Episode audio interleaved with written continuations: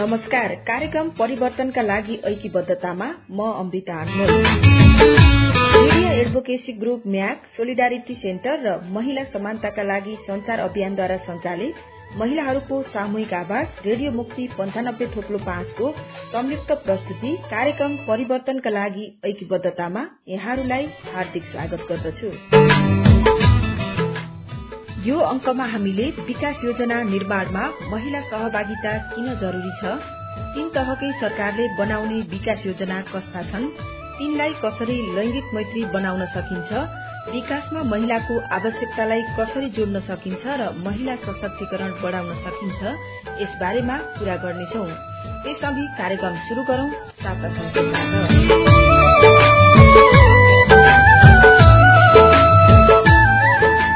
विपन्न र श्रमिक क्षेत्रका गर्भवती तथा सुत्केरी महिलाहरूलाई लक्षित गरेर बुटबल उपमहानगरपालिकाले सुरक्षित मातृत्व अभियान शुरू गरेको छ।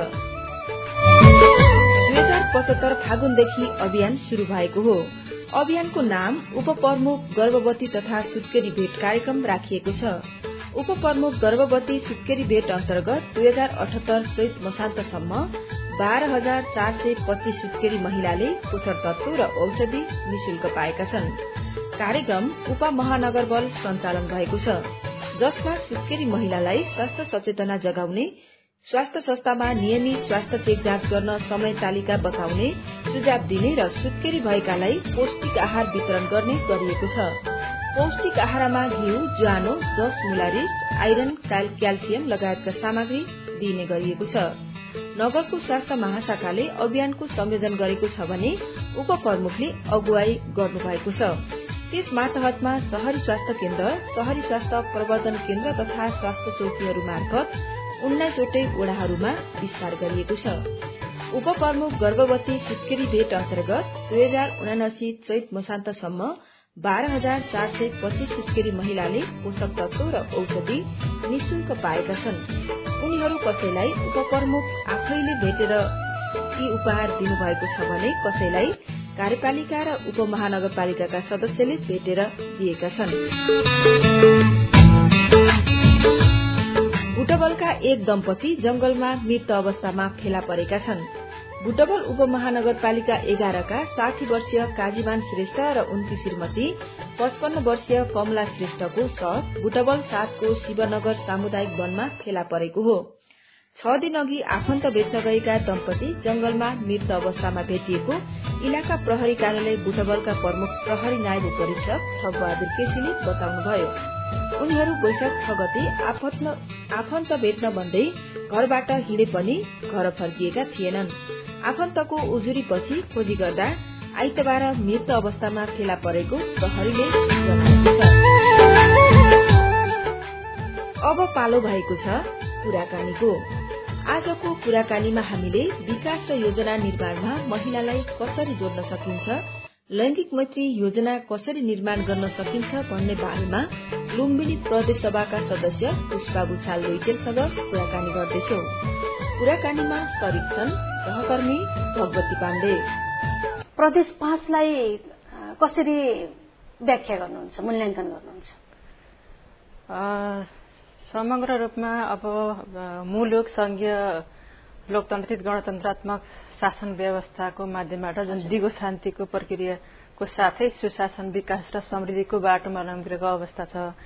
यसमा मुलुक संहितामा प्रवेश गरिसकेपछि यसमा चाहिँ तीन तहका सरकारहरू गठन भइसकेको अवस्था चाहिँ छ। त्यसले गर्दा प्रदेश सरकारले एउटा समृद्धिको बाटोमा जानको लागि जुन तीन तह तीनवटा समृद्धिका आधारहरू तय गरिसकेको अवस्था चाहिँ छ।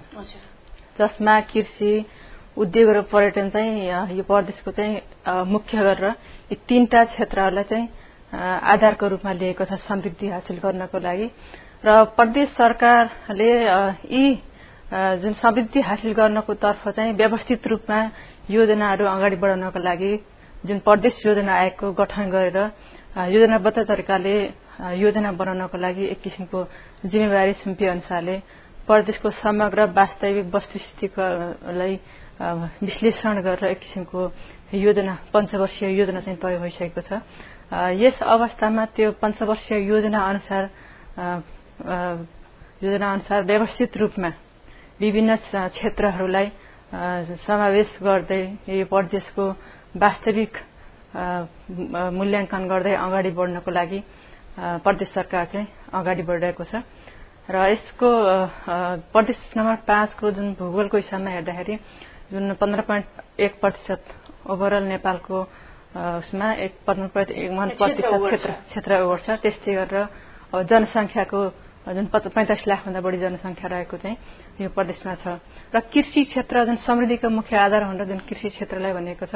र कृषि क्षेत्रको जुन भाग चाहिँ उन्तिस प्रतिशत भाग चाहिँ कृषि क्षेत्रले चाहिँ ओगटेको छ। र वास्तवमा समग्र त्यो पन्ध्र प्रतिशत मध्ये पनि हजुर यहाँको उन्तिस हजुर भूवर्णको आधारमा चाहिँ उन्तिस प्रतिशत चाहिँ कृषि क्षेत्रले ओगटेको छ।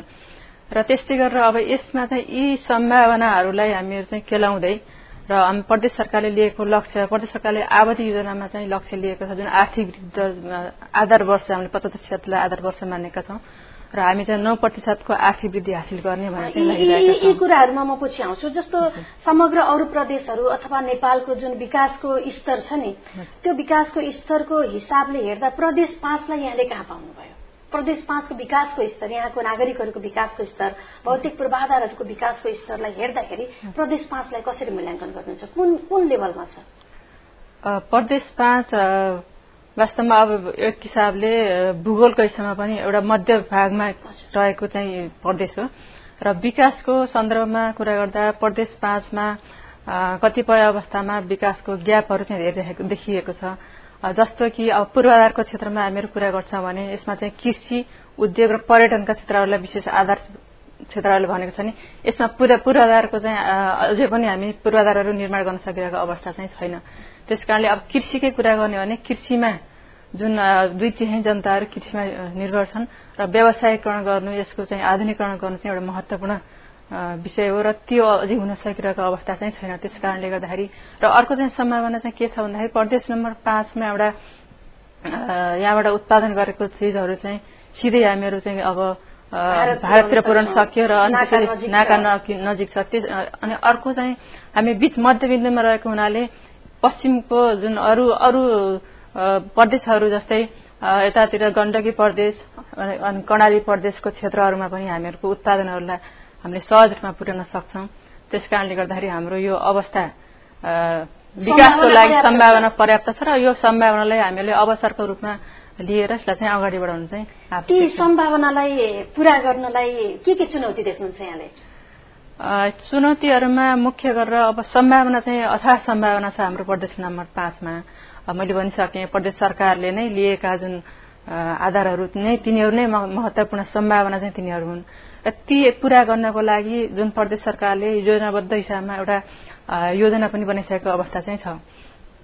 तर यसको मुख्य चुनौती चाहिँ मैले के देखिरहेको छु भन्दाखेरि एउटा त अहिलेको जनशक्ति व्यवस्थापन चाहिँ मुख्य रूपमा चुनौती देखिरहेको छ प्रदेश सरकारलाई। र त्यसको लागि अहिलेको अवस्थामा हेर्नु पर्दाखेरि प्रदेशमा जुन प्रदेशको जुन कार्यान्वयन गर्ने इकाइ भनेको त हाम्रो प्रदेश सरकारका विभिन्न निकायहरू नै हो। र प्रदेश सरकारका विभिन्न निकायहरूमा अहिले एकसठी प्रतिशत मात्र दरबन्द एकसठी प्रतिशत मात्र फुलफिल भएको अवस्था चाहिँ छ। त्यस कारणले गर्दा एकसठी प्रतिशत जनशक्तिले यो पुरा जुन जिम्मेवारी पूरा गर्नको लागि एउटा महत्वपूर्ण एउटा चुनौती देखिएको छ। र त्यसको साथसाथै चुनौतीको अर्को मुख्य पक्ष चाहिँ मैले के ठान्दछु भन्दाखेरि कार्यान्वयनको पक्ष। त्यति हुँदाहुँदै पनि एउटा त जनशक्ति भइहाल्यो। अर्को चाहिँ यो कार्यान्वयनको गर्ने क्रममा चाहिँ विविध प्रक्रियाहरू अथवा विधिले गर्दाखेरि र प्रविधिले गर्दाखेरि त्यो चाहिँ कार्यान्वयन प्रक्रिया चाहिँ अलिकति कम भएको हो कि भन्ने चाहिँ अनुभव भएको छ। त्यसले गर्दाखेरि त्यसलाई चाहिँ अगाडि बढाउनको लागि प्रदेश सरकारले त्यसको लागि अब भएका जुन ग्यापहरूलाई पहिचान गर्दै अगाडि बढ्ने चाहिँ प्रयत्न गरिरहेको छ। कानूनहरू समयमा निर्माण नहुँदाखेरि पनि कार्यान्वयन प्रक्रियामा अप्ठ्यारो पर्यो भन्न खोज्नु भयो हजुर। कानून निर्माण प्रक्रियाहरू जस्तो कि प्रदेश सरकारले जुन एकल अधिकारमा रहेका कानूनहरू पनि निर्माण गरिरहेको अवस्था चाहिँ छ। र अहिले अहिले भनेको साढे दुई वर्ष प्रदेश सरकार गठन भएको साढे दुई वर्ष चाहिँ कम्प्लिट भइसकेको छ। यस अवस्थामा लगभग अडचालिस पचास जति हाम्रो कानून निर्माण भइसकेको छ प्रदेश स्तरमा। तर अप्ठ्यारो चाहिँ अलिकति कहाँनिर अप्ठ्यारो भइरहेको छ भन्दा साझा अधिकारका सूचीमा रहेका कतिपय कानूनहरू अझै पनि निर्माण भइसकेको अवस्थाले छैन। त्यस कारणले गर्दाखेरि मैले अघि नै भनिसकेँ जनशक्ति व्यवस्थापनको कुरो। त्यो जनशक्ति व्यवस्थापनको लागि संघीय कानूनहरूले अलि अप्ठ्यारो पारिरहेको अवस्था चाहिँ छ। त्यस कारणले गर्दाखेरि संघीय कानून कतिपय संघीय कानून चाहिँ समयमै पूरा भइदिएको भएदेखि अझै सहज हुन्थ्यो कानूनहरू बन्थे र जनशक्ति व्यवस्थापन हुन्थ्यो। त्यो चाहिँ एउटा महत्वपूर्ण चुनौतीको रूपमा चाहिँ लिएको छ। प्रदेश सरकारले आवधिक योजना पनि बनाएको छ। त्यसलाई कसरी प्राथमिकता दिएको छ? प्राथमिकीकरण कसरी गरेका छ? जस्तो कृषि पर्यटन यिनलाई कसरी प्राथमिकीकरण गरेका छ? यसमा चाहिँ मुख्य गरेर अब प्रदेश सरकारले प्रदेश सरकारको प्राथमिकताको क्षेत्रहरू भनेकै मैले भनिसकेँ सम्भावनाको क्षेत्रहरू नै हाम्रो प्राथमिकता क्षेत्र हुन्। यसमा विशेष गरेर अब हामी कृषि प्रधान देश हाम्रो हाम्रोमा एउटा कुरा जुन हाम्रो चाहिँ यो एग्रिकल्चरले नै देशको जिडिपीमै मुख्य कन्ट्रिब्युसन गरिरहेको अवस्था चाहिँ हो। त्यस्तै गरेर हाम्रो प्रदेशमा पनि कृषिको जुन जिडिपीमा योगदान चाहिँ महत्वपूर्ण योगदान रहेको छ। त्यस कारणले गर्दाखेरि कृषिमा कृषिमा नै धेरै व्यक्तिहरू डिपेन्डेन्ट भएको कारणले गर्दा कृषि चाहिँ प्रथम प्राथमिकता हुनुपर्छ र त्यो चाहिँ हामीले राखेका छौं। र त्यसको साथसाथै पर्यटन र उद्योग। पर्यटन र उद्योग भनेको कृषिसँग सम्बन्धित भएर लिङ्क भएर जाने कुराहरू हो। त्यस कारणले गर्दाखेरि यदि कृषिलाई चाहिँ हामी व्यवसायीकरण गर्न सक्यो आधुनिकरण गर्न सक्यो भने कृषिमा हामीहरूले उद्योगहरू सञ्चालन गर्न सक्छौं। त्यस कारणले गर्दा कृषिलाई हामी उद्योगसँग जोड्न सक्छौं र त्यसको साथसाथै उद्योगसँग जोडिएका कुराहरूलाई अनि त्यसपछि त्यहाँको उत्पादनहरूको कुराहरू हुन्छ। त्यसको साथसाथै हाम्रो पर्यटन विकास कृषि पर्यटनहरूलाई हामीले चाहिँ सँगसँगै जोडेर लान सक्छौं। त्यसले गर्दाखेरि कृषिलाई हामीले फर्स्ट प्राथमिकतामा राखेर हामीले चाहिँ काम गर्नुपर्छ र त्यस्तै अनुसारले चाहिँ हामी अगाडि बढिरहेको अवस्था चाहिँ छ। अहिले त जस्तो हामी कोरोना महामारीकै बीचमा छौं त्यसबाट प्रभावित युवाहरू अहिले विदेशबाट पनि रोजगार गुमाएर स्वदेशमा फर्किएका छन्। कृषिमा यति पर्याप्त सम्भावना छ प्रदेश पाँचमा। यहाँ आएका युवाहरूलाई कृषि क्षेत्रमा लैजानको लागि प्रदेश योजना आयोगले पनि केही तयारीहरू गरेको छ तथ्याङ्कहरू संकलन गरिरहेको पनि छ। के छ प्रदेश योजना आयोगको प्रदेश सरकारलाई दिने योजनाहरू के छन्? एकदमै सही कुरा उठाउनु भयो वास्तवमा अहिलेको जल्दो बल्दो विषय अथवा मान्छेहरूको एउटा आशाको केन्द्रबिन्दु यो महामारी भइसकेपछि मान्छेहरू सबै स्वदेशमा फर्किरहेको अवस्था चाहिँ छ। र अनि प्रदेश सरकारले अब यस आर्थिक वर्ष दुई हजार सतहत्तर अठहत्तरको योजना बनाउने क्रममा हामीहरू त्यस कुराहरूलाई मध्यनजर राख्दै एक एउटा चाहिँ अनलाइन सर्वेक्षण वैदेशिक रोजगारीमा गएका व्यक्तिहरूको अनलाइन सर्वेक्षण चाहिँ गर्यौं त्यो अनलाइन सर्वेक्षणबाट हामीले चाहिँ के पायौं भन्दाखेरि अब हुन त हामी एउटा स्याम्पलको रूपमा गरेका थियौं। त्यो चाहिँ अब सोह्र सत्र सयजनाको एउटा प्रतिनिधित्व हुनुभयो। र त्यसबाट चाहिँ के देखेको छ भन्दाखेरि उहाँहरू जुन नेपालमा फर्किनको लागि एकदम इच्छुक हुनुहुन्छ र फर्किरहनु भएको छ। र यस प्रदेशमा लगभग आँकडा अनुसार हेर्दाखेरि भारत लगायत विभिन्न मुलुकमा गएर सात लाख मानिसहरू वैदेशिक रोजगारीमा जानुभएको छ। र मुख्य गरेर चाहिँ अब इन्डियाकै बढी देखिएको छ। एकाउन्न प्रतिशत चाहिँ हाम्रो भारतमा जानुभएको छ। र त्यो अनलाइन सर्वेक्षणबाट के देखेको छ भन्दाखेरि उहाँहरू चाहिँ नेपालमा फर्केर बस्न फर्केर इच्छुक त्रिसठी प्रतिशत चाहिँ आएर यहीँ बस्नको लागि इच्छुक हुनुहुन्छ। र उहाँहरूले सिकेका जुन स्किलका कुराहरू ल्याएर यहाँ उहाँहरूले आफूले प्रयोग गर्न पनि चाहनुहुन्छ। जस्तै उहाँहरूले कतिपय कुराहरू इन्डियामा के अरे बाहिर वैदेशिक रोजगारीमा गएको सिलसिलामा कतिपय कृषिकै कुराहरू पनि सिक्नु भएको छ। र अनि अर्को चाहिँ समग्रमा हामीले देखिरहेका पनि छौँ बाहिर विदेशमा गएर सिकेका आफ्नो क्षमताहरूलाई ल्याएर चाहिँ यहाँ काम गरिरहेको अवस्था पनि छ। त्यस कारणले गर्दाखेरि उहाँहरूको एउटा ठुलो इच्छा भने के छ भन्दाखेरि नेपालमा फर्किसकेपछि म कृषि नै गर्छु। त्यसमा चाहिँ प्रदेश सरकारले सपोर्ट गर्यो भनेदेखि हुन्थ्यो भन्ने उहाँहरूको चाहिँ एउटा अपेक्षा चाहिँ हामीले पायौं। त्यस अनुसारले हामी प्रदेश सरकारले चाहिँ हामीले चाहिँ के योजना गरिरहेका छौँ भन्दा अब यसपछि चाहिँ प्रत्येक पालिकाहरूसँग एउटा डेटा बेस लिन खोजिरहेका छौँ। जस्तो कि वैदेशिक रोजगारीबाट कुन कुन पालिकामा के कस्तो स्किल लिएको व्यक्तिहरू फर्किनु भएको छ भन्दा त्यो चाहिँ हामी संकलन पनि गर्दैछौँ। साथसाथै चाहिँ त्यो जुन अनलाइन सर्वेक्षण फारम भरेका छौँ त्यसको आधारमा चाहिँ आर्थिक वर्ष सतहत्तर अठहत्तरको हामीले चाहिँ योजना चाहिँ बनाइसकेका छौँ वार्षिक विकास कार्यक्रम बनाइसकेका छौँ। र त्यसमा चाहिँ हामी विभिन्न मन्त्रालयसँग सम्बन्धित रहेर कार्यक्रम बनाएका छौँ जस्तै कृषिको कृषिसँग सम्बन्धित कुराहरूमा जुन रोजगार दिनुपर्ने अवस्थाहरू छ उहाँलाई चाहिँ कृषि मन्त्रालयमा स्किलका कुराहरू हुन सक्छ करार खेतीका कुराहरू छ त्यस्तै गरेर ब्याजमा अनुदानका कुराहरू छ अनि यो सहकारी विकास कोषबाट उहाँले चाहिँ ऋण लिएर उहाँले चाहिँ आफ्नो उद्यमहरू सञ्चालन गर्ने कुराहरू त्यो मन्त्रालयसँग छ भनेदेखि सामाजिक विकास मन्त्रालयसँग पनि हामीले विभिन्न कार्यक्रमहरू तालिमहरू दिएर उहाँहरूलाई चाहिँ उद्योगीहरूसँग जोड्नको लागि पहल गर्नको लागि कार्यक्रम सञ्चालन गरेका छौँ। र अर्को एउटा महत्वपूर्ण कुरा मैले यहाँ के जानकारी गराउन चाहेँ भन्दाखेरि प्रदेश योजना आयोगले हाम्रो उद्योग उद्योगपतिहरूसँग पनि बसेर छलफल गरिरहेका छौँ। जस्तै कि यस प्रदेशमा रहेका इट्टा व्यवसायीहरूसँग बसेर हामी छलफल गर्यौं र उहाँहरूसँग छलफल गर्दाखेरि के भयो भन्दाखेरि उहाँहरूलाई चाहिँ जनशक्ति अभाव छ एकदमै। अनि अर्कोतर्फ चाहिँ प्रदेश सरकारसँग प्रदेश सरकारको योजना छ। र व्यक्तिहरू चाहिँ के भन्छ बेरोजगार हुनुहुन्छ। त्यस कारणले गर्दा यो तीनवटा कुरालाई हामीले चाहिँ सँगै लानको लागि चाहिँ अब प्रदेश सरकारसँग भएको जुन स्रोतहरूलाई र ती ती व्यक्तिहरूलाई पहिचान गरेर अनि त्यसपछि यो उद्योगीसँग जोड्नको लागि हामी अगाडि बढिरहेका छौं। र उहाँहरूले चाहिँ के भन्नुभयो भन्दा छलफलकै क्रममा जस्तै चालिस पचास हजारको हाराहारीमा हामीहरूलाई चाहिँ यो प्रदेशमा चाहिँ चाहिएको छ जनशक्तिहरू। इट्टा उद्योगमा मात्रै। इट्टा उद्योग कुरा चाहिँ गर्नुभयो उहाँहरूले। त्यस्तै गरेर हामीले चाहिँ अर्को चाहिँ सिमेन्ट उद्योगहरूसँग छलफल गर्यौं र उहाँहरूले त्यस किसिमको त्यही अनुसारले आँकडाहरू भन्नुहुन्छ। र अनि उहाँहरूको अझ मुख्य समस्या त अहिलेको यो कोविडले गर्दाखेरि जो पनि आफ्नो देशमै समस्या भइसकेपछि जसलाई पनि आफ्नो नै चाहिने हो। त्यसले गर्दाखेरि अब इन्डियनहरू मेन गरेर इन्डिया फर्किसक्नु भएको छ। त्यस कारणले गर्दाखेरि नेपालमा चाहिँ त्यस्तो किसिमको जनशक्ति छैन।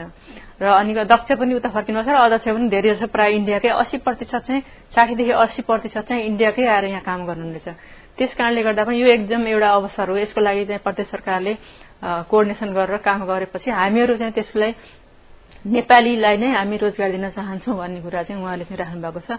त्यस दिशामा हामीहरू चाहिँ त्यसतर्फ चाहिँ अगाडि बढिरहेका छौँ नेपाली युवाहरू विदेशमा जोखिम मोलेर काम गर्न चाहने तयार हुने तर नेपालमै रहेर त्यही त्यही प्रकृतिको काम गर्ने इच्छुक नहुने। यहाँले जुन अनलाइन सर्वेक्षण गर्नुभएको छ त्यसमा यही क्वेसनहरू पनि थिए होला सायद। उहाँहरूको भावना के छ जस्तो? उहाँहरूको यही यदि त्यो उहाँले विदेशमा गरेको काम यहीँ पाउनुभयो भने जोखिम मोलेर पनि गर्न सक्ने तयार हुने अवस्थाका युवाहरू कति पाउनु भएको छ? त्यसमा चाहिँ कस्तो छ भन्दाखेरि एउटा चाहिँ मान्छेको मनोविज्ञानको कुरो हो जुन हजुरले भन्नुभयो होइन। सामान्य कामहरू अब यहाँ जुन हुन्छ नि एउटा अनस्किल भनौँ न अध्यक्ष कामदारहरूको रूपमा चाहिँ यहाँ काम गर्न अलिकति हिचकिच्याउने र बाहिर जाने ऊ चाहिँ अलिकति त्यो चाहिँ देखिएको भनेर चाहिँ विभिन्न मिडियामा अथवा विभिन्न व्यक्तिहरूले व्यक्त गरेका कुराहरू र मान्छेहरू चाहिँ विदेश गइसकेपछि अलिकति बाहिर गएको छ विदेश गएको छ भन्ने हिसाबमा हुन्छ विदेश गएको भन्ने हुन्छ भन्ने चाहिँ त्यो चाहिँ एउटा सन्दर्भ चाहिँ हो त्यो चाहिँ हो। तर स्याम्पल कुनै कसैले त्यस्तो भन्यो भन्दैमा सबैलाई चाहिँ एकै ठाउँमा त्यो राख्न पनि हुँदैन। र अहिले चाहिँ जुन समस्या जुन महामारी यो सङ्कट चाहिँ पैदा भयो त्यस कारणले गर्दा धेरै युवाहरूको चाहिँ के छ भन्दाखेरि जस्तो भए पनि जे भए पनि हामी आफ्नै देशमा बस्थ्यौँ आफ्नै परिवारसँग बस्थ्यौँ होइन। र वातावरण चाहिँ त्यस्तो बनिदियो भनेदेखि हामी त्यहाँ बस्थ्यौँ भन्ने हिसाबमा त्यो चाहिँ हामीले प्रश्नमा राखेका थियौँ। र त्यस किसिमको उहाँहरूको चाहिँ जुन इच्छाहरू उहाँहरूको विचारहरू त्यो आइरहेको छ। त्यसले गर्दाखेरि अर्को कुरा चाहिँ कस्तो भन्दाखेरि उहाँहरूले गरेको कामलाई रेस्पेक्टको कुराहरू चाहिँ हामीले दिनुपर्छ। जस्तै कृषि विशेष गरेर कृषिमा मान्छेहरू अझ बढी लाग्न बढी नचाहने किन भन्दाखेरि कृषि पेसालाई अलिक दुःखको पेसा ठान्ने। त्यसले गर्दा कृषिमा अलिकति सम्मानजनक रूपमा काम गर्ने एउटा कुरा सम्मान दिने भनौँ न सम्मान दिने। अर्को तर्फ कृषि जहिले पनि एउटा परम्परागत रूपमा चलिरहेको छ त्यसले गर्दा यसलाई आधुनिकरणतर्फ जान सक्यो भने पक्कै पनि उहाँलाई चाहिँ अलिकति सम्मान चाहिँ हुन्छ। किन भन्दाखेरि अलिक मेसिन चलाएर होइन त्यसरी काम गर्न सक्ने अवस्था चाहिँ भयो भनेदेखि चाहिँ त्यो धुलो मैलोबाट अलिकति अगाडि पनि बढ्न सक्ने अवस्था भएको हुनाले जुन प्रदेश सरकारले पनि अहिले जुन व्यवसायीकरणतर्फ जानको लागि जुन आधुनिकरणको आवश्यकता महसुस गरेर त्यस किसिमको अगाडि पाइलाहरू चाहिँ अगाडि बढाएको अवस्था चाहिँ छ। त्यसले गर्दाखेरि अलिकति हामीले दुई तिनवटा कुरा एउटा त जनचेतनामूलक कार्यक्रम पनि चलाउनै पर्ने हुन्छ। किन भन्दाखेरि वास्तवमा आफ्नो देश भनेको होइन आफ्नै देशमा बसेर काम गर्नु भनेको एउटा महत्वपूर्ण कुरा हुन्छ। यसले चाहिँ जुन बाहिर गएर जसले काम गर्छ त्यसपछि बल्ल उहाँहरूले फिल गर्नुहुन्छ कि घरबाट टाढा बस्दा कस्तो हुने रहेछ बरु आफ्नै देशमा आएर काम गर्थे भन्ने। धेरैलाई चाहिँ त्यो अनुभूति भएको छ। र कतिपय त हामीले उहरूमा हेर्छौँ होइन जुन न्युजहरूमा हेर्छौँ कतिपय कुराहरू चाहिँ अब अहिले चाहिँ एउटा हिसाबमा सूचनाको कुराहरू होइन व्यापक भएको छ। र फर्केर बरु म परिवारसँग थोरै थोरै जुन कमाएर पनि बरु सन्तुष्टि बस्छु भनेर पनि कृषिमा अथवा पशुपालनमा आबद्ध युवाहरू हुनुहुन्छ उहाँहरू एकपटक विदेश गएर फर्केर आएर हल्ला गर्नु भएको छ जस्तो प्रदेश सरकारले अथवा स्थानीय पालिकाले संघीय सरकारले पनि कृषिमा अनुदान दिन्छ युवाहरूलाई लाग्न चाहनेहरूलाई। तर त्यसबाट उत्पादित वस्तुको बजारीकरणको लागि चाहिँ सरकारले खासै पहल गरेको छैन। बजारीकरण छैन। उत्पादन हुन्छ किसानले दुध बाटोमा बोक्नुपर्छ। टमाटर काउलीहरू खेतमै कुहिएर फाल्नुपर्ने अवस्था हुन्छ। यो कारणले पनि युवाहरू कृषिमा लाग्न अनिच्छुक हुनुभएको हो कि? यसतर्फ योजना आएको के छ? यो पनि एकदम सही कुरो अहिले किन अहिले चाहिँ के छ समस्या भन्दा कृषिको समस्या भनेर एउटा यसलाई पनि बजारको कसैले कृषिको कुरा गर्यो भने के छ भन्दा बजारको समस्या छ भन्ने एउटा त्यो चाहिँ छ। तर वास्तवमा बजारको समस्या भनौँ भने अब एक हिसाबले सामान्य बजारको समस्या छ दुधहरू पोख्नु पर्यो अथवा तरकारीहरू बाटोमा फाल्नु पर्यो भन्ने आउँछ। र अर्कोतर्फ फेरि किन भन्दाखेरि त्यो हुनुको पछाडि त अनि कसैले चाहिँ कन्ज्युम गरेन कसैले खाएन अथवा कसैले लिएन भन्ने कुरा आउँछ। र अर्कोतर्फ फेरि डेटाहरूले के देखाइरहेको छ भन्दाखेरि इन्डियाबाट आएको आएछ अब वर्षमै दुई अरूभन्दा बढीको चाहिँ तरकारीहरू भित्रिरहेको अवस्था चाहिँ छ। त्यस कारणले गर्दाखेरि यो चाहिँ एउटा च्यानल चाहिँ मिलेको छैन। त्यस कारणले गर्दाखेरि यो बजारको च्यानल मिलाउनको लागि अर्को महत्वपूर्ण पक्ष त के हुन सक् के छ भन्दाखेरि जस्तो कृषकहरूले उत्पादन अब विशेष गरेर मैले भनिसकेँ अघि नै हामी परम्परागतमा अझै पनि बढी छौँ आधुनिकरणमा अझै गइसकेका छैनौँ सुरुवात गर्दैछौँ। र यसमा चाहिँ आधुनिकरणमा जाने यदि चाहिँ हामी चाहिँ व्यापक रूपमा उत्पादन गर्ने हो भनेदेखि अलिकति समूहमै केन्द्रित भएर अथवा व्यापक रूपमा उत्पादन गरेर ट्रकका ट्रक भरेर हामीले जहाँ आवश्यकता छ जुन उपभोक्ताहरूलाई अथवा ठूलो मार्केट जहाँ छ त्यसरी चाहिँ हामी व्यापक रूपमा ट्रकका ट्रक उत्पादन गरेर पुर्याउन सक्छौँ भनेदेखि त्यो फालिने अवस्था चाहिँ रहने एकातर्फ। र अर्कोतर्फ चाहिँ अब कृषिको उद्योगको कुरा अघि मैले भने उद्योग कृषि चाहिँ प्राथमिकतामा एक नम्बरमा पर्यो भने उद्योग पनि छ हाम्रो पर्यटन पनि छ। त्यसले उद्योग कृषि उद्योगहरू हामी सञ्चालन गर्न सक्यौँ भने र त्यस किसिमको हामी लगानी गऱ्यौँ भने पक्कै पनि ती वस्तुहरू चाहिँ बाटोमा खेर फाल्न पर्दैन। जस्तै अहिले नै अब प्रदेश सरकार अन्तर्गत पनि हामी विभिन्न कार्यक्रमहरू जस्तै डेरीको डेरीमा लगानी गरिरहेको अवस्था चाहिँ छ होइन? दुग्ध प्रशोधन कारखानाहरू पनि सञ्चालन गर्दैछौँ। त्यस्तै गरेर अब विभिन्न उद्योगहरू सञ्चालन गर्ने क्रममा पनि छौँ। त्यसले गर्दा चाहिँ एउटा कुरा त महत्वपूर्ण कुरा एकत्रित भएर उत्पादन गर्नु पर्यो र त्यसलाई चाहिँ एउटा भनौँ न एक किसिमको बजारको लागि सहजीकरण हुने भयो।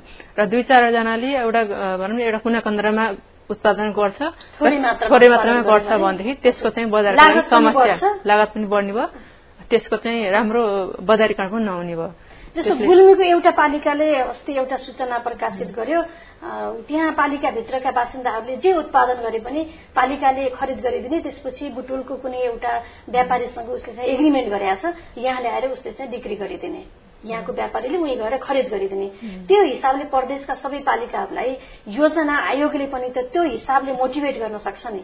आफ्ना आफ्ना पालिकाका कृषकहरूले उत्पादन गरेको तरकारीहरू फलफूलहरू जो चाहिँ संकलन गरेर आफ्नो आफ्नो नजिकको बजारहरूमा पुर्याइदिने प्रबन्ध स्थानीय पालिकाहरूले गर्न सक्छन् सक्दैनन् हजुर।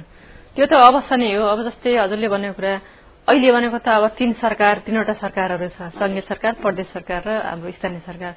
पक्कै पनि हामी अब एउटा कुरा परिवार हुँदै होइन अब हाम्रो चाहिँ गाउँ हुन्छ गाउँ हुँदै त्यसपछि हाम्रो पालिका होला प्रदेश होला त्यसपछि देशै होला।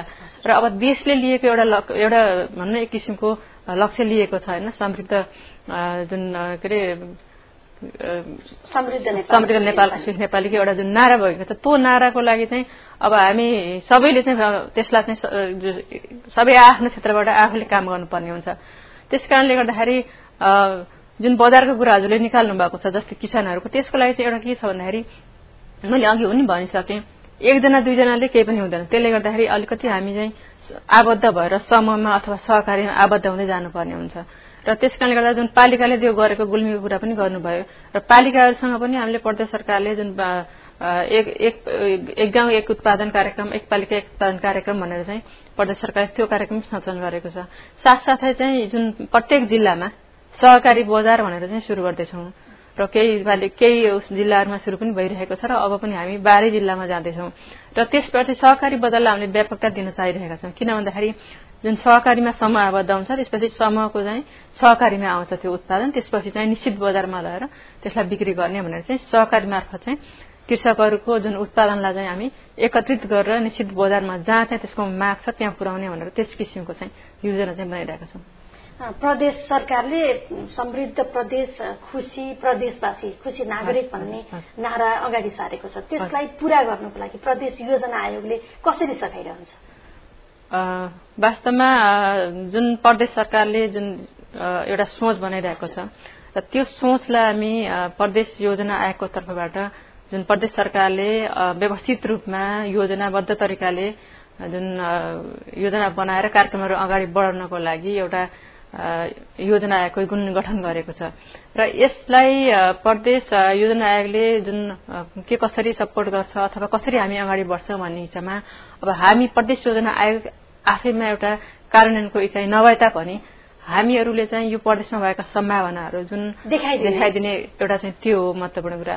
र यसको लागि चाहिँ अब विभिन्न अनुसन्धानहरू वास्तवमा एउटा अनुसन्धान चाहिँ महत्वपूर्ण रहन्छ किन भन्दाखेरि एउटा कुनै पनि ठाउँको सम्भावनाहरू के छ त भनेर त्यसलाई केलाएर हेर्नको लागि विभिन्न क्षेत्रको अध्ययन महत्वपूर्ण रहन्छ। त्यस कारणले गर्दाखेरि यहाँको त्यो अध्ययनहरू चाहिँ गर्ने जुन लगानी विशेष गरेर अर्को एउटा महत्वपूर्ण कुरा चाहिँ जुन प्रदेश सरकारले तय गरेको योजनालाई सम्पन्न गर्नको लागि लगानीको महत्वपूर्ण पाटो रहने हुनाले लगानीका स्रोतहरू के के हुन सक्छ त प्रदेशमा लगानीका स्रोतहरू पहिचान गरिसकेपछि त्यसपछि त्यस किसिमले प्रदेशको चाहिँ आमदानीहरू वृद्धि गर्ने प्रदेश प्रदेशलाई नै आफैले आमदानी वृद्धि गर्नुपर्ने।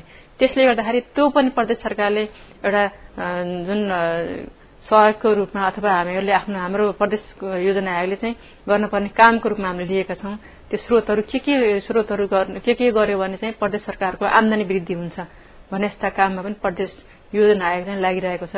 जस्तै गत साल पनि लगानी सम्मेलन गर्ने भनेर हामीले योजना बनाएका थियौँ र अहिले त्यति बेला चाहिँ गर्न सकेन किन भन्दा यो कोभिडको कारणले गर्दाखेरि स्थगित भयो।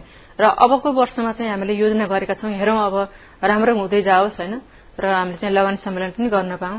र त्यसको लागि परियोजना ब्याङ्क भनेर चाहिँ हामीले जुन स्थापना गरेका छौँ र परियोजना ब्याङ्कमा चाहिँ हामीले यो प्रदेशमा प्रदेशमा के कस्ता महत्वपूर्ण जुन अब परियोजनाहरू सञ्चालन गरिसकेपछि यो प्रदेशको चाहिँ एउटा आमदानीको स्रोत अथवा यहाँका व्यक्तिहरूको लागि जुन एक किसिमले जीविकोपार्जनमा सघाउ हुन्छ अथवा लगानी गर्ने संघ संस्थाहरूले लगानी गर्न सक्छ भनेर त्यस किसिमका अध्ययनहरू चाहिँ गरिरहेका छौँ। र त्यसले चाहिँ पक्कै पनि प्रदेश सरकारले सहयोग मिल्छ भन्ने अपेक्षा गरेको केही त्यस्ता सम्भावनाहरू जस्तो पहिचान गर्नु भएको छ? जस्तो प्रदेश पाँच तराई हिमाल पहाड़ सबै तीनवटै मिश्रित प्रदेश हो। यहाँको प्राकृतिक स्रोत साधनहरू पनि त्यही अनुसारका छन्। त्यस्ता केही सम्भावनाका आधारहरू केही केही पहिचान गर्नु भएको छ अध्ययनको क्रममा? खानीहरूका कुराहरू भयो होला। अथवा यहाँ पर्याप्त ऊर्जाको सम्भावनाहरू होला। हो अवश्य नै। प्रदेशमा एउटा त आबादी योजनामै हामीले बोलिसकेका छौँ होइन? प्रदेशमा हामीले प्रदेशमा पाँचमा तीन सय मेगा सौर्य ऊर्जा। सौर्य ऊर्जा उत्पादन गर्ने भनेर चाहिँ त्यसमा पनि हामीले योजनामा राखेका छौँ र त्यो चाहिँ अगाडि बढाउने क्रममा चाहिँ छौँ। र त्यसको साथसाथै अर्को कुरा अब हजुरले भने प्रदेशमा जुन के कस्ता पहिचान गर्नुभएको छ सम्भावनाहरू भन्ने क्रममा एउटा धागो कारखाना एउटा चाहिँ हाम्रो चाहिँ कागज कारखाना। कागज कारखाना चाहिँ हामी यो प्रदेशमा चाहिँ गर्नको लागि एक किसिमको परिणा ब्याङ्कमा एकजना अध्ययन भएर चाहिँ हामी त्यो चाहिँ निकालिसकेका छौँ। र त्यस्तै गरेर जुन अर्को अब जुन स्याउको बजारीकरण जस्तै अब हाम्रो उता के अरे रुकुम पूर्वमा रुकुम पूर्वमा स्याउ उत्पादन हुन्छ र त्यहीँ छोडेर जाने अवस्था चाहिँ छ। त्यस कारणले गर्दाखेरि यदि हामीले त्यहाँको उत्पादन भएको स्याउलाई चाहिँ व्यवस्थित तरिकाले निश्चित ठाउँमा हामी पुर्याउन सक्यौँ समयमै भने पनि त्यो पनि एउटा प्रदेशको एउटा चाहिँ ठूलो उपलब्धि हुन्छ किनकि हामीले पैसा बाहिर पठाउनु पर्ने हुँदैन। हाम्रो प्रदेशमै त्यसलाई जुन कन्ज्युम गर्न आमदानी गरिरहने अर्कोतर्फ हाम्रो पैसा चाहिँ यहीँ रहने हुन्छ। त्यसले गर्दाखेरि अब त्यस्तै गरेर हामीले चाहिँ एउटा अब यो तयारीकै क्रममा छौँ जस्तै अब यो बिजनेस कम्प्लेक्सहरू बनाउने ताकि त्यो बिजनेस कम्प्लेक्सहरू निर्माण भइसकेपछि पछि चाहिँ प्रदेश सरकारले त्यसबाट आमदानीहरू हुन्छ त्यसपछि प्रदेश सरकारको एउटा लगानीमा एउटा महत्वपूर्ण पाटोको रूपमा रहन्छ भनेर त्यो पनि हामीले गर्दैछौँ। त्यस्तै गरेर अब खानेका कुराहरू गऱ्यो भने प्रदेशमा पाँचमा एकदमै खनिज तत्वको हिसाबमा खनिजहरू खानेकै खानी खानेकै खानी छ त्यसले गर्दाखेरि त्यसको पनि एउटा अध्ययनहरू हामीले गराउँदैछौँ। फलाम खानेको अध्ययन। त्यो पनि गर्ने क्रममै छौँ। यो वर्ष हामीले राखेका छौँ।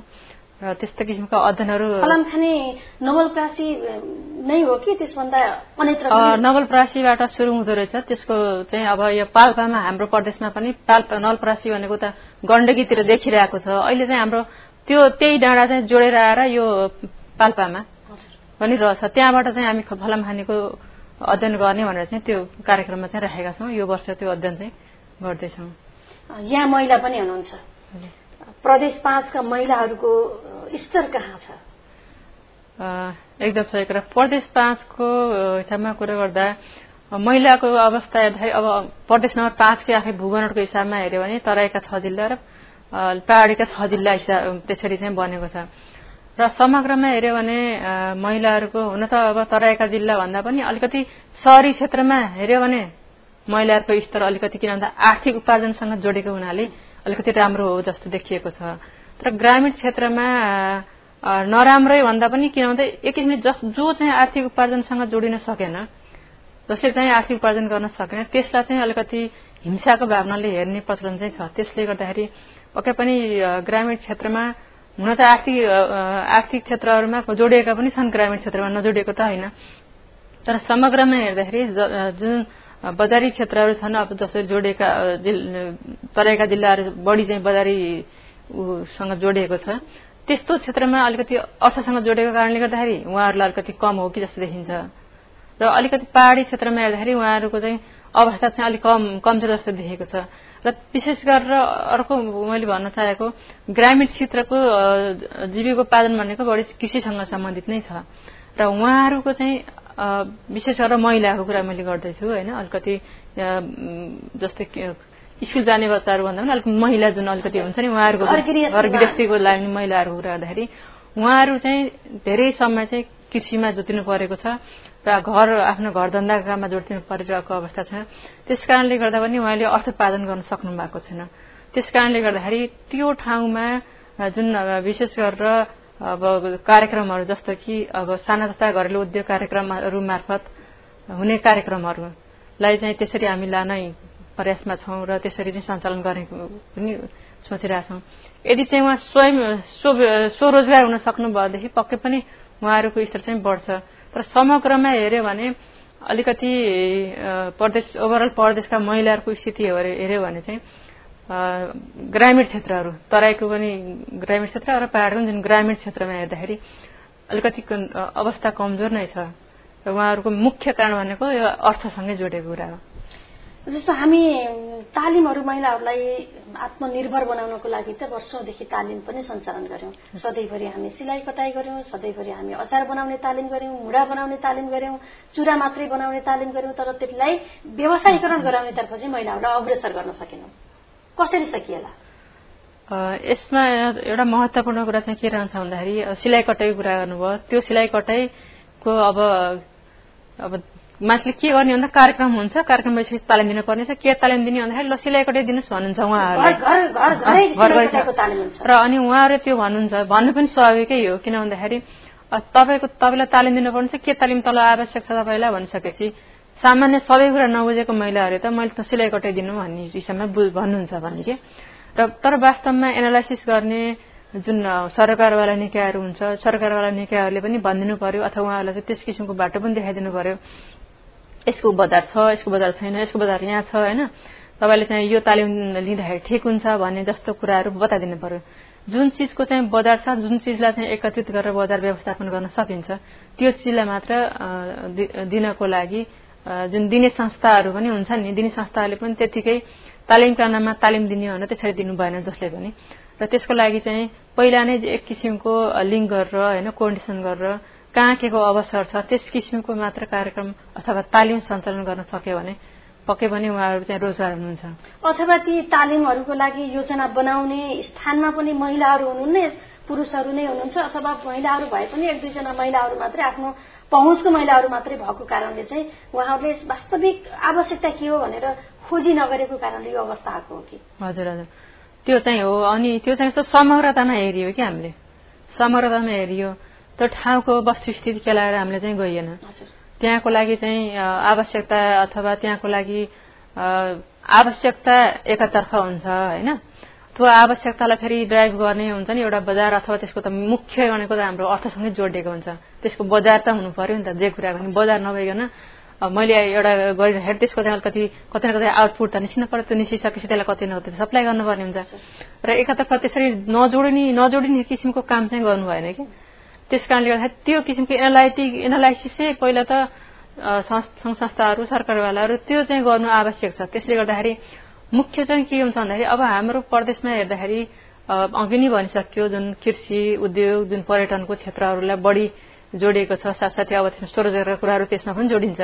र कहाँ के को जुन आवश्यकता छ भनेर एक किसिमको पहिला एसेसमेन्ट नगरिकन बिना एसिसमेन्ट चाहिँ तपाईँलाई तालिम यो दिने ऊ दिने भनेर त्यो चाहिँ गर्नु भएन त्यस कारणले गर्दा पर्यो। तालिम दिनु छ? के तालिम भन्दाखेरि उहाँहरूले त भन्नुहुन्छ नि मलाई अचारको तालिम दिनुहोस् भन्नुहुन्छ। अचारको तालिम दियो। अनि बजार के छ भनेर बजार के छ भन्ने कुरो बुझ्नु। अहिले जुन अहिले त व्यापक रूपमा फेरि जुन विदेशी सामानहरू आइरहेको छ अब मान्छेहरूको एउटा के भन्छ उपभोक्ताको फेरि उपभोक्ताको खास के छ त रुचि भन्ने कुरा नि फेरि त्यो अनुसारले पनि उत्पादन गर्नुपर्ने हुन्छ। त्यसले गर्दाखेरि बजारलाई नै हामी फोकस नगरिकन उत्पादन गऱ्यौँ अथवा तालिम गरिदिउँ जे पनि त्यो गऱ्यौँ भने त्यो चाहिँ दियो चाहिँ हुँदैन। त्यसलाई चाहिँ मुख्य विश्लेषण गर्नुपर्छ। अहिलेसम्म भइरहेका विकासका आयोजनाहरू विकासका कामहरू कतिको महिला मैत्री भएको पाउनुहुन्छ यहाँले? महिलालाई बीचमा राखेर कतिको विकासका योजना बनाइन्छ? हजुर यो एकदमै सही कुरा अहिले राख्नुभयो। अब अहिले जुन हामी जुन संघीय संरचनामा गइरहेका छौँ संघीय संरचनामा हुन त जनप्रतिनिधिहरू आउनु भएको छ। जुन पहिला जुन अहिले बिस वर्षसम्म जुन ग्यापिङ भयो त्यो बेलामा चाहिँ कस्तो हुन्थ्यो भन्दाखेरि योजनाको एउटा योजना तर्जुमा गर्ने प्रक्रिया। गाउँ लेभलमा सबै त्यहाँको बेला राखेर जुन ग्रामीण उसदेखि नै आउँथ्यो। टोल टोलबाट हुँदै आउँथ्यो। तर अहिले कस्तो छ भन्दाखेरि हुन त टोलबाट आएकै सम्झिनुपर्छ। जनप्रतिनिधि नै उहाँ हो होइन? त्यसरी आउँछ अन्त तर पनि मैले आफूले देखेको ग्याप भनेको कस्तो लाग्छ भन्दाखेरि जस्तै प्रदेश नम्बर पाँचकै हिसाबमा मैले आफूले सोच्दाखेरि जुन अहिले हामी प्रथम आवादी योजना पनि निर्माण गरिसकेका छौँ वार्षिक विकास कार्यक्रमहरू बनाउँछौँ त्यसकै आधारमा होइन? र अनि त्यसपछि जुन आवादी योजना बनाउने क्रममा बनाइयो त्यसपछि छलफलहरू गरियो भने जनप्रतिनिधिहरूसँग छलफल गरियो त्यो तयार भयो डकुमेन्ट। तर जुन वार्षिक विकासहरू कार्यक्रम बनाउँदाखेरि पनि हुन त मन्त्रालय मन्त्रालयमा आएर जस अब महिला अथवा पुरुष जनप्रतिनिधिहरू आएर कार्यक्रमहरू योजनाहरू चाहिँ यो आवश्यकता छ यो योजना गर्ने भनेर चाहिँ दिनुहुन्छ उहाँहरूले। मन्त्रालयमा आएर छलफल गर्नुहुन्छ मन्त्रालयले छलफल गराउनुहुन्छ। तर पनि मलाई लागेको चाहिँ जति पहिला व्यापक रूपमा जुन त्यसरी आउँथ्यो अहिले चाहिँ महिलाहरूबाट त्यति आएका कुरालाई नै अझै राख्न नसक्या हो कि? मलाई लागेको। त्यसरी धेरै अब हुन्छ नि कति कतिपय कुराहरू योजनामा नपर्न सकेको हो कि जस्तो पनि आफूलाई लागेको छ। किन भन्दाखेरि जति धेरै मान्छेहरू इन्भल्भमेन्ट हुन्थ्यो नि पहिला जनप्रतिनिधिहरूले ल्याउनु भएन भन्न खोजिहाल्छ। होइन मैले। तर पहिला चाहिँ जुन ग्रामीण क्षेत्रदेखि जसरी आउँथ्यो त्यो किसिमको नआएको हो कि जस्तो एउटा चाहिँ त्यो हो। तर चाहिँ त्यो महिलाहरूले ल्याएको कुरालाई त्यो हामीले एकदमै राख्नै पर्छ योजनामा। किन भन्दाखेरि उहाँहरूले आफूले आत्मसात गरेर महिलाको लागि हुन त विकास त सबैको लागि हो। तर कतिपय कुराहरू महिला फोकस हुनै पर्छ कि जस्तो अब पूर्वाधारको क्षेत्रमा हामीले हेऱ्यौँ भने त्यसमा हेऱ्यौँ भने कस्तो छ भन्दाखेरि महिलाहरूको आवश्यकता कतिपय आवश्यकता छुट्टै खालको आवश्यकता हुन्छ। जस्तै अब महिलाहरू कामकाजी महिलाहरू हुनुहुन्छ। कामकाजी महिलाहरू जुन सार्वजनिक कार्यालयहरूमा काम गर्न जानु पर्यो। बच्चा सानो छ।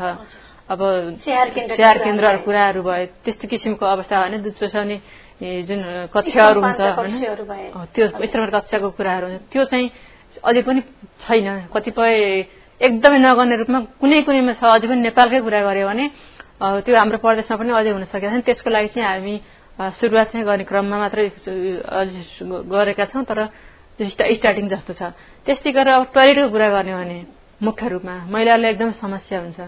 टोइलेटको लागि चाहिँ महिला पुरुषको त अहिले त कतिपय अवस्था छुट्टै पनि धेरै त्यो चाहिँ प्र्याक्टिस आइसकेको छ। महिला पुरुषलाई नि त्यो चाहिँ छ। तर पनि टोइलेट छुट्याए तापनि त्यहाँनिर फेरि महिलाको फेरि भित्र गइसकेपछि अर्को आवश्यकता छ कि हो त्यो जुन सुन्छ नि पिरियड भएको बेला मिस्ट्रेसन भयो छैन। कुराहरू भए त्यो चाहिँ अझै पनि छैन। जस्तो यी कुराहरू त अझ मसिना कुराहरू भए जस्तो घर अगाडि पक्की बाटोको लागि पालिका अथवा सरकार जुन जुनसुकै सरकार भए पनि सरकारले लगानी गरिदिन्छ योजना बनाउँछ। तर त्यही घर पक्की घर बाटोसँग जोडिएको घरको महिलाले गुइठामा खाना पकाउनु पर्ने अवस्था छ अझै पनि। बुटोलभित्रकै कुराहरू। हजुर हजुर हजुर हामी चाहिँ त चुलोको कुराहरू चाहिँ गर्दैनौँ घर अगाडिको बाटोको चाहिँ कुरा गर्छौँ। हजुर हजुर हामीलाई समय दिनुभयो यहाँलाई धन्यवाद छ। लैङ्गिक मैत्री समाज निर्माण गर्न महिलाका आवश्यकता पूरा गर्न लैङ्गिक समानता र हिंसा न्यूनीकरण गर्न देशका तीन तहकै सरकारमा महिला सहभागिता आवश्यक छ। यसले विकासमा महिलाको आवश्यकतालाई जोड्न सकिन्छ भने महिला सशक्तिकरण पनि बढ़ाउन सकिन्छ। यही सन्देशसँगै आजका लागि कार्यक्रम परिवर्तनका लागि ऐक्यबद्धता यही सकिएको छ। प्राविधिक मित्रसँगै कार्यक्रम संचालक म अमृता अनमोललाई पनि विदा दिनुहोस्। नमस्कार।